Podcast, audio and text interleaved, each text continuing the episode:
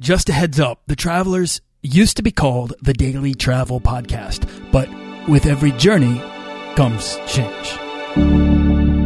This podcast is produced by Holocene, a community of creative travelers. If you want to get serious about planning that next trip, writing that book, starting that creative project, or launching that business, we're breaking down the barriers between where you are where you want to be together at joinholocene.com. That's join, H O L O C E N E.com. In this episode, I'm sitting down with designer Marina Janeiko to discuss the realities and challenges of the digital nomad lifestyle. Do you want to travel further and more often to visit new places and meet new people and expand the role that travel plays in your life? I'm your guide, Nathaniel Boyle, an explorer that wants to help you get out, see the world, and find meaningful, life changing experiences. Everyone wants to be adventurous and have great stories, to do the stuff of legend. This is the Daily Travel Podcast.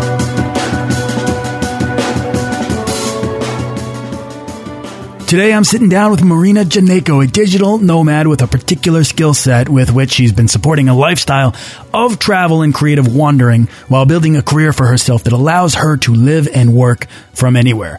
Most recently, she's been working on What's It Like, a web platform that focuses on travel by asking when you should go rather than where, which is an idea I think is really cool. Absolutely love it. Uh, for the past five years, Marina's been living the digital nomad lifestyle with her husband, traveling from country to country, exploring the earth while building a location independent career for herself. Uh, hopefully, we're going to be able to get into what inspired the decision to get, you know, to, to live this lifestyle. How does she do it? Uh, how realistic is it?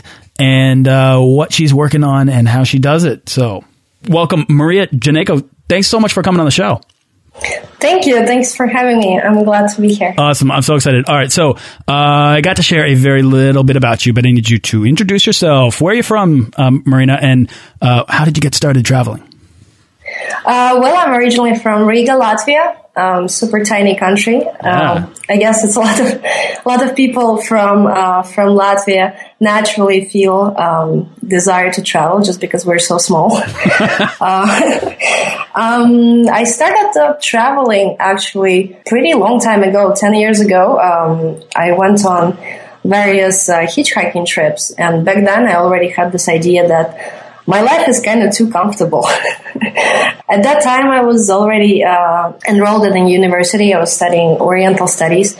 I had two jobs, and yet at the same time, I thought that, well, this is still too comfortable. I, I want some challenge. I want something that where I want to see how much I can achieve, what I can do. So I figured I should create a challenge for myself. I should do a whole month, whole summer of uh, hitchhiking alone through Europe and uh, live on three euros a day. How could you? That And, uh, doesn't even sound humanly possible. I'm already I know, stumped. I know, but I, I just figured out if I have a number, then I'll likely be able to measure how well I can achieve that. So I figured out, okay, well, three years will get me maybe something to eat. yeah, if you're lucky, one meal. So I thought, okay, well, sounds doable.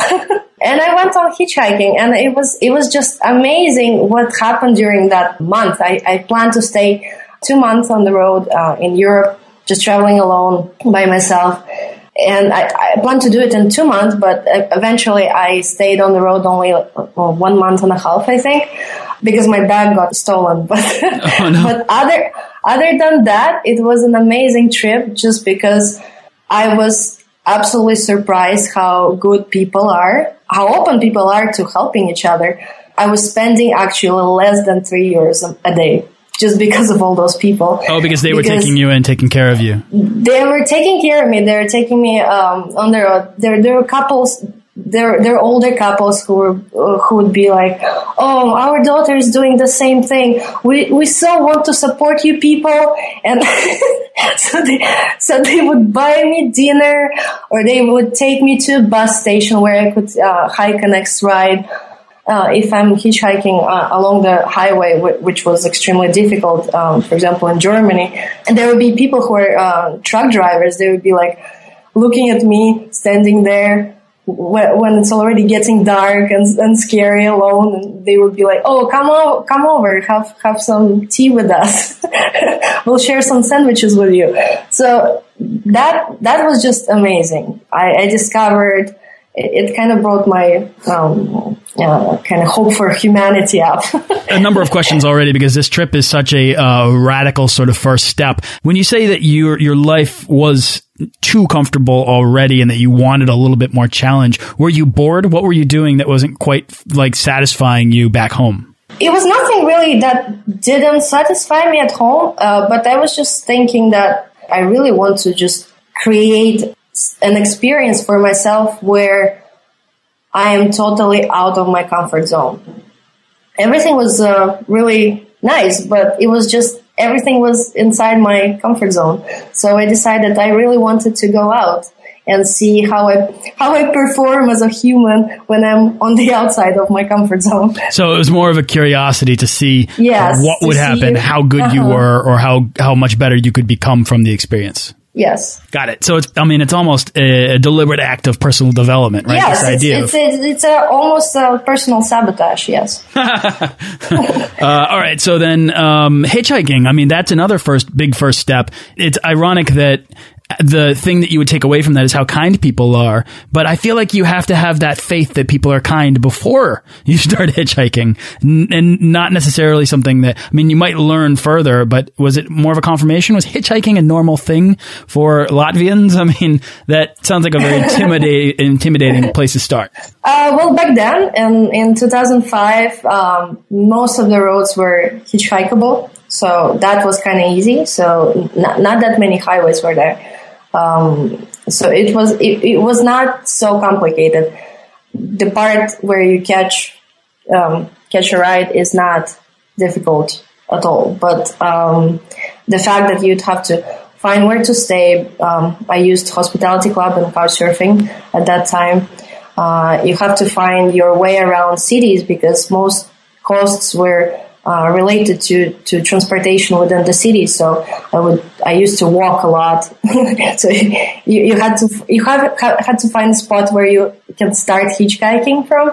So for example, in big cities like Paris, you'd have to really try to get as far as possible from the city center to start your hitchhike. And that would take forever.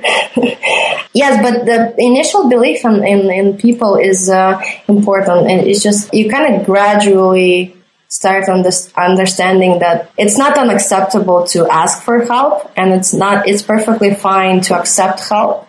And if you're telling your story, people will be likely uh, willing to help you. So if you're saying that, okay, well, I'm doing the summer trip to um, to basically prove to myself that I can do it. And people are like, "Oh, I love what you're doing. I, I really want to help you."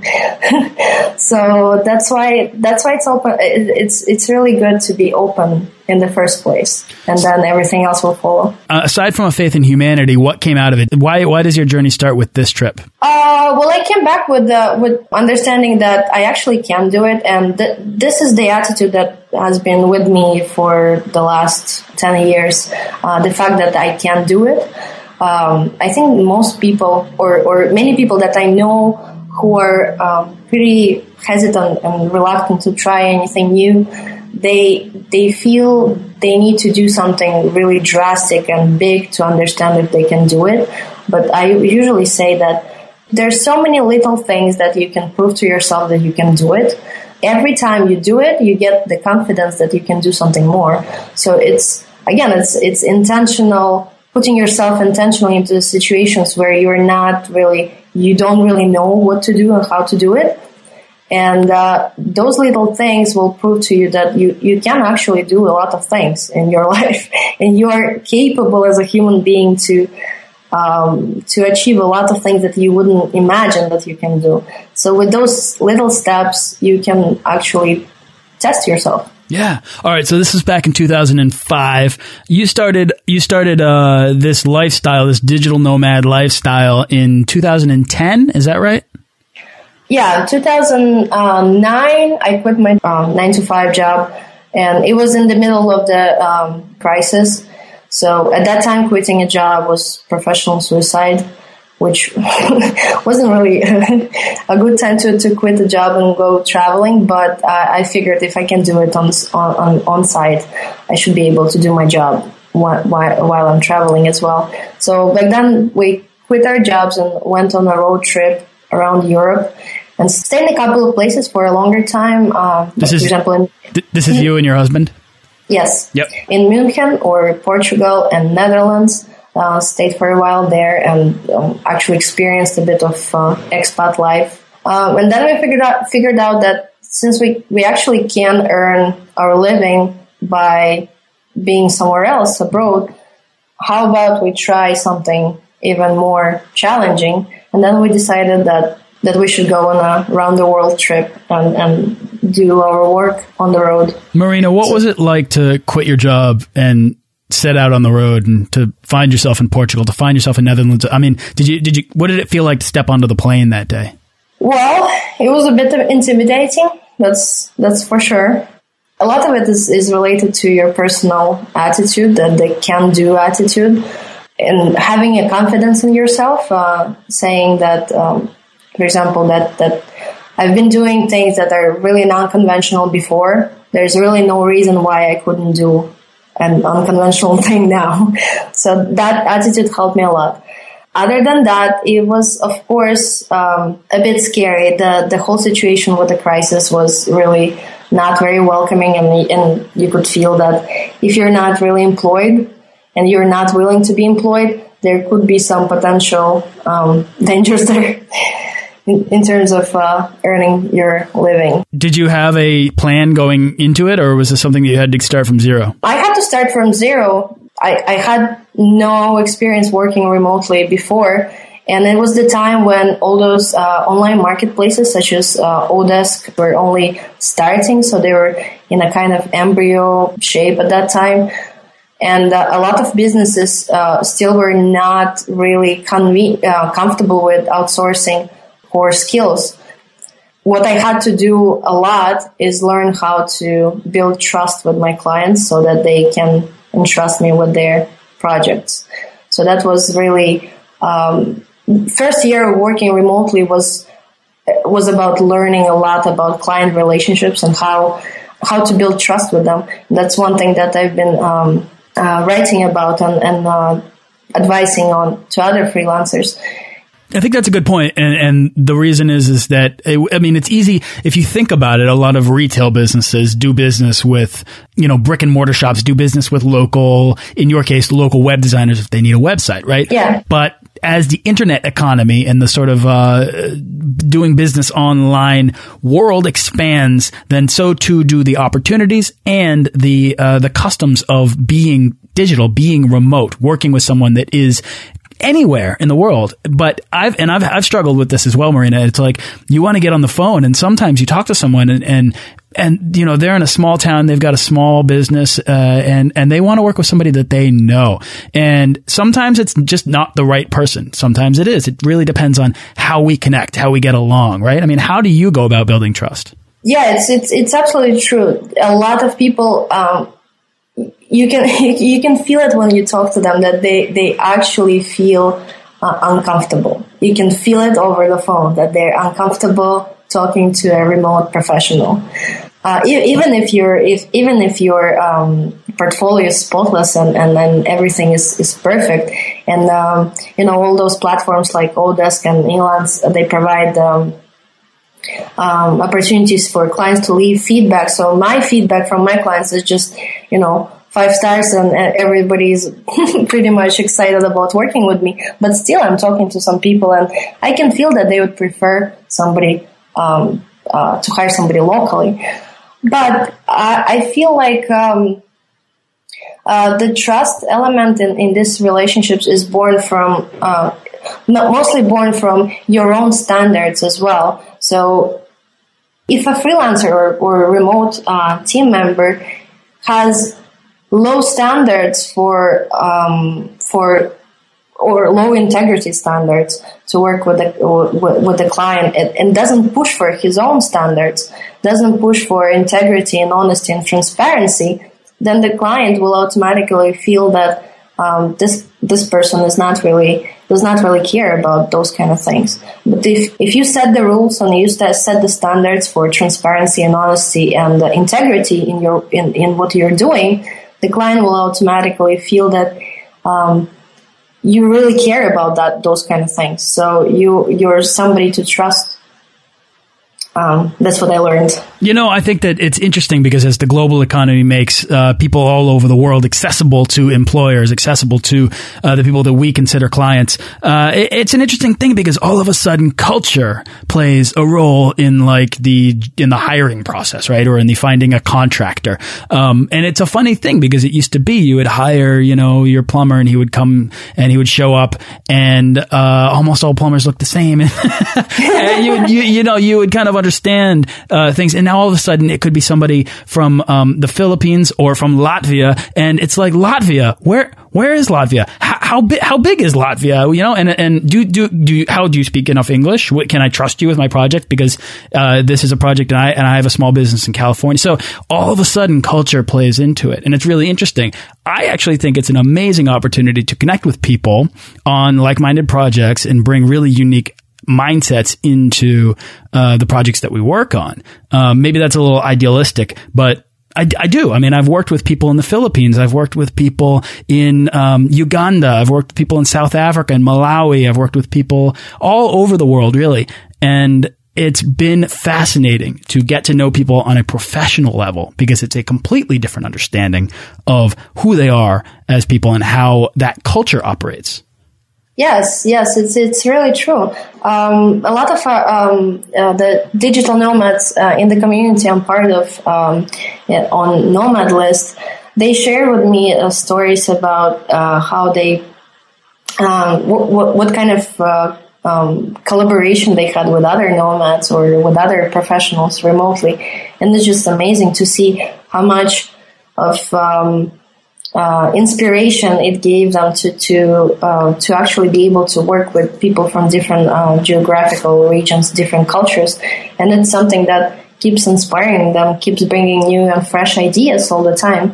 Um, and a lot of uh, um, digital nomads that I know, they actually go out there and work on their products and um, uh, startups, businesses because they have access to all those different cultures and different uh, different uh, forms of you know communication and, and uh, perception of the world in, in general. So it for them it's a it's also a big playground in terms of testing their own ideas and assumptions about what they're building. So it's also kind of like a in in the practical sense traveling for people like me or others who are building businesses and startups is also a tool to validate your own assumptions, your own ideas.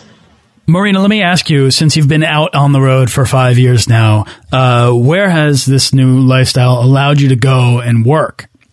Mm-hmm. Uh, well, I actually, I, I, really prefer slow travel, um, long-term slow travel, so that I can actually, the way I do my work, uh, I'm able to stay in the location where I can do a lot of work in, in a batch and then have some time off to travel.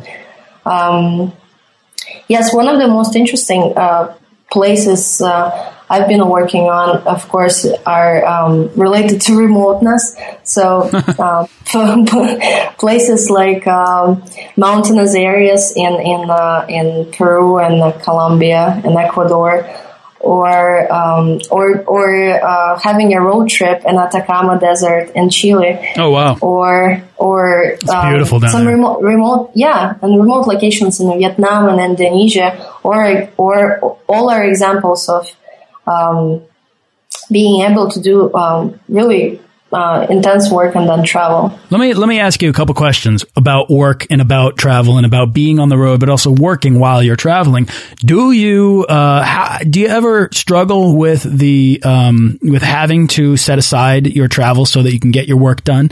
And let me guess, Marina, um, I bet that you that you find more creative inspiration being out on the road than you did back home. Yes, that's that's for sure. that's part that's part of the reason. I can uh, tell. Yeah. Yes, that's part of the reason uh, because um, there are all sorts of uh, you know resources and books and uh, um, materials on how to be creative and how to boost your creativity but it, it really doesn't happen in a in a in a kind of like organized way your creativity right it happens when it happens when you have uh, new angles to your mindset when you, when you discover something that you haven't thought about at all yeah and it's travel is the ultimate tool for that. You, you're you're just gonna see things that you never imagined you, you could you know put together in your head. Exactly. And then and then it just you know it might not mean anything. For example, you come you come to Indonesia or you know uh, Chile, Atacama, and, and it's just you know it's beautiful there. It's impressive. It's incredibly um, em- empowering that you you are able to be there and travel and it might not it might not seem like it matters for your work at all but i learned that it may it may take a week it may take a day but sometime after your after this experience you're going to wake up and say oh my God, I have this new amazing idea. and it happened because I was there, because I put together things in my head that I would not put together before. Exactly. I think creativity can be simplified into the connection between two disparate things that you didn't realize had any previous relationship, right? Once you do that, then, uh, then a new thought or a new idea is born. It emerges. And I think that that happens more often when you expose yourself to things that you aren't really familiar with. The more you learn about the world, yourself, etc., then the more likely you are to have these original thoughts, um, which makes people more interesting, more innovative, more curious, and so on. Um, Marina, which is why I'm I'm like I'm right there with you as from one designer to another. Uh, the getting out on the road to sort of. Uh, let the world seep into the cracks that have formed over uh, that time spent drying and being, you know, at home, maybe uh, maybe bored or maybe not quite as stimulated by your environment. That right there is is the opportunity to feed your curiosity and your imagination. Yes, yes, I, I totally agree with that. Uh, people people tend to underestimate this uh, um, uh, this uh, opportunity. Uh, people people tend, tend to think uh, about travel or vacations in terms of switching off. I tend to think about travel as, as switching on. Yes, and and it's that. just and it's just you know people are saying, oh, I'm going to you know um, Turkey for for my vacation in all inclusive hotel for for uh, for one week, and I'm gonna so switch off, and I'm like, oh my god, you should get out and just switch on. yeah, and I think that that's a challenge. I was thinking about this the other day. I mean, I think you're right. I, think that people underestimate uh, this. I think people underestimate the value of imagination in general because it's kind of maybe an abstract concept, but it really does solve a lot of problems to have strong imagination. And I think this idea of switching on can seem like a lot of work because most people, when you're, when, when travel isn't a regular part of your lifestyle, it's an escape from the work, then, you know, you're probably scrambling to get all your work done at home before you hit the road. And once you hit the road, you, you don't want to have to do as much work, you know, in preparation for it because that's exhausting and that, and that can sometimes ruin the experience. So that's why, Marina, I, I have a show like this that is really encouraging people to find ways to make travel a bigger part of your life so that the sort of sacrifice of uh, of just having two weeks and and not getting out to switch on and having to switch off because that's your only opportunity to take a deep breath is it's that's just not that there are better ways. And you're you yes. you have made that choice to go out and try to do that. And I think that's really great. And I love I love that you're bringing that on here. Um, how often do you go home? I haven't lived in Latvia for about mm, seven years now. Okay. so it's it's not really um, home is not really a geographical uh, spot for me. Oh I love that. Okay. Um, I, I, actually love to have multiple homes. I the reason I like to slow travel is because I, I, I places that I really like, I really want to make them home. So, for example, I one of my recent discovered uh, places where I feel like home uh, would be uh, Medellin in Colombia, and I intentionally want to make it a home. So, I'd like to make uh, when I was there, um, uh, I wanted to make friends. I wanted to be familiar with uh, local ways of uh, life, so that when next time I think about where should I go, um, if I have a you know uh, next next next thing planned, I would be thinking, oh, I should I should actually uh, go and visit my home in Colombia. and and that that makes me uh, so uh, so much happier than just thinking about this one spot where you know when where where I was born and, and that's that's kind of my um, original home. Uh, but it makes me happy to think about the world in in terms of um, many different homes for my soul, I guess. I love that. So does slow travel then, does that style, does that help prevent you from burning out, from getting traveler's fatigue or from being out on the road for so long? That can be yes. really tiring. Yes, it is very tiring. It's, uh, you know, it's a lot of work. Uh, it's, I've been on, on, so far I've been on two long-term um, journeys. So one was uh, Southeast Asia for a year, and another year was in South America. And uh, it, it, we plan to be in in every country for about a month, but uh, it turned out to be very difficult just because you want to see everything, you want to see a lot, and then you also need to uh, get some work done. And moving from you know from place to place it's it's quite exhausting. I cannot I cannot really um, say that it's it's pure pleasure. it's it's a lot of work as well. Yes. So uh, sometimes you you do need a break. Like for example, right now in San Francisco, I'm taking a break from uh, from active traveling, and I'm here to meet new people in travel tech um, uh, space uh, while I'm working on my travel startup. So that for me is a kind of um, a break. Love it. well, let me ask you about that then. Uh, being in San Francisco, it's a perfect place to be working on something like What's It Like? Um, tell me about that. Like, where did this idea come from, and what are you hoping that this platform kind of develops into? Uh-huh. Uh, uh, well, it was it was a um, simple idea. Started when uh, when we were when we were preparing for a longer trip and uh, um, we started uh, figuring out when is a good time to go to certain places. And we started thinking about it in a purely uh, climate-based sense. So when is monsoon? Uh, when do we avoid the typhoons? When is a good time for uh, for diving? Uh, things like that. And we started putting together a spreadsheet of all these places and timings. And it it just was a lot of work to research of that. So if you want to add to that the element of high season, low season, uh, costs of accommodations, or things that are happening, such as festivals or special events, it takes more and more effort uh, to research. And uh, the spreadsheet actually actually turns into this uh, kind of monster monster one, where where it's hard to understand anything.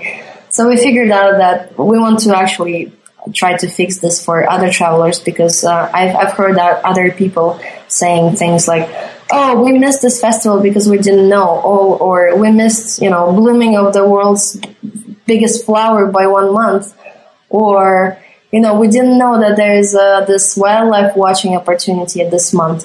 So I heard a lot of those stories and figured out, okay, my problem is not the only problem out there. So a lot of people are having the uh, hard time uh, researching all of that and knowing yeah. all of that. Yeah. Um, so I figured out I should I should give it a give it a go and and uh, develop a platform that that will help travelers figure out when to go. And uh, for the last couple of months, uh, uh, I've been validating the idea with various um, travel travelers and travel startups uh, scene and the travel tech industry. And I've been getting really good feedback. We, we already got um, quite a lot of um, over uh, 1,500 signups for the service. So we decided to, uh, we got confidence to proceed with it. Yeah. I love the idea. I think this idea, I mean, for example, I'm going to uh, Abu Dhabi in a couple weeks. I don't know what's mm-hmm. happening in Abu Dhabi at that time. I would love to find a resource that could kind of, that could tell me, that could ping me, that, that says, you know, maybe maybe there isn't anything going on in Abu Dhabi, but maybe something outside of it, or maybe in Dubai there's something going on. And so, yes, right, yes, yes, it's it's it's um, it's pretty much based on the fact that you shouldn't miss things because you didn't research them. Yeah, uh, or get but, or get hosed. I, uh, there was one opportunity where I let's see, where was it? I was taking the Shinkansen bullet train through Japan, and I pulled into Kyoto, and I got out, and I um I forget how this shook down, but somebody at some point told me that I would not find a hotel room in the city, and sure enough, I I went to four different hotels, and they were all like, no, sorry, we're full, and I started looking at capsule hotels, ryokans, all these different opportunities opportunities for lodging until it turned out that one of the four biggest uh, festivals in all of Japan was happening in Kyoto at that that day or the next day. And so that weekend, the whole thing was booked out. So I had to get back on the train, take it down to Osaka, uh, stay there. And then I came back the next day and of course went to the festival. But I had no idea. Nobody had warned me. I had nothing to check. So that's why I, I really like this idea. It's kind of a a safety mechanism, but it's also an inspiration yes, it's. A, yeah, it's also inspiration also for for really um, people who have uh, really specific interests. Uh, like for example, uh, people who like uh, things like wildlife watching or active sports such as mountain biking or surfing or diving or um, you know travel photography is very seasonal as well as well. So all of those activities that are kind of based on seeing things and doing things are pretty much seasonal. There's always a good time to do things and not so good time to do things.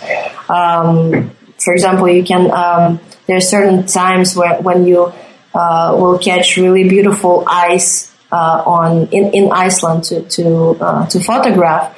There's special season for that, and there's special season to, for example, hike up um, uh, volcanoes in Ecuador because of the visibility. Certain seasons have better visibility so that you can actually see those volcanoes while you're there.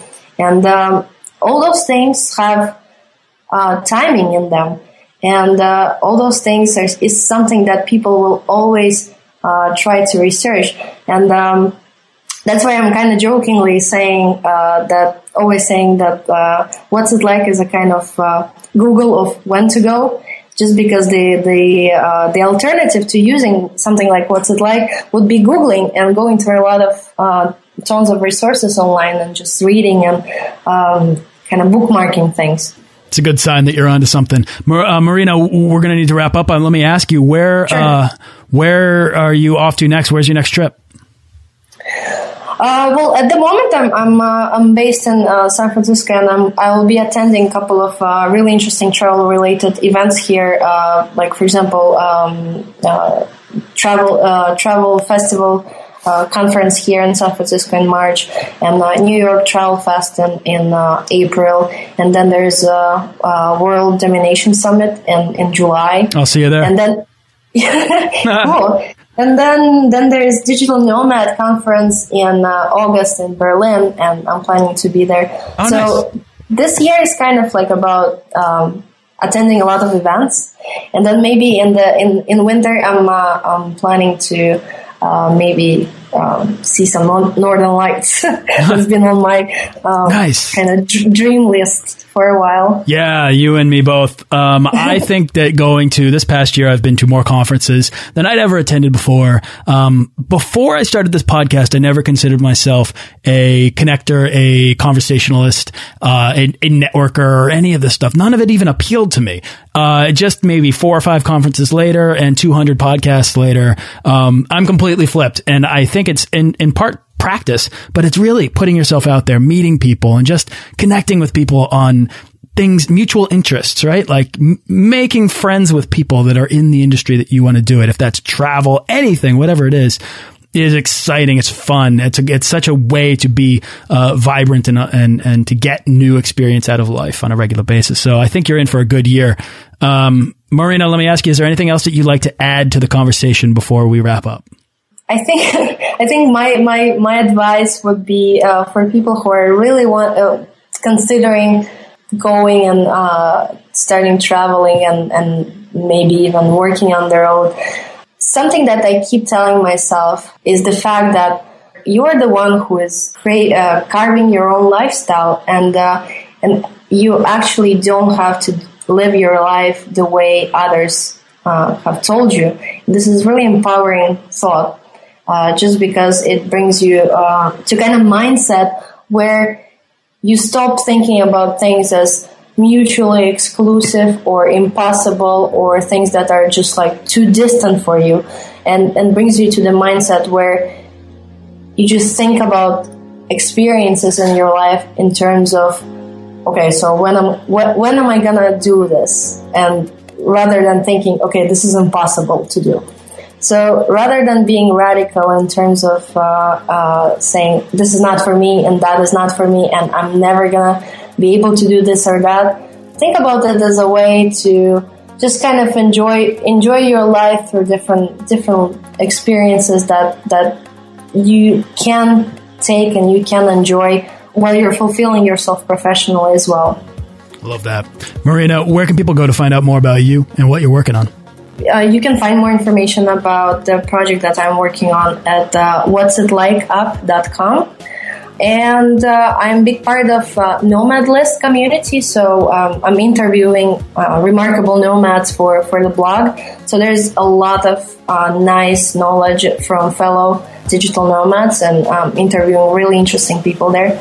Those stories are really very specific example examples of people who uh, hit the road and started uh, building their business on the road.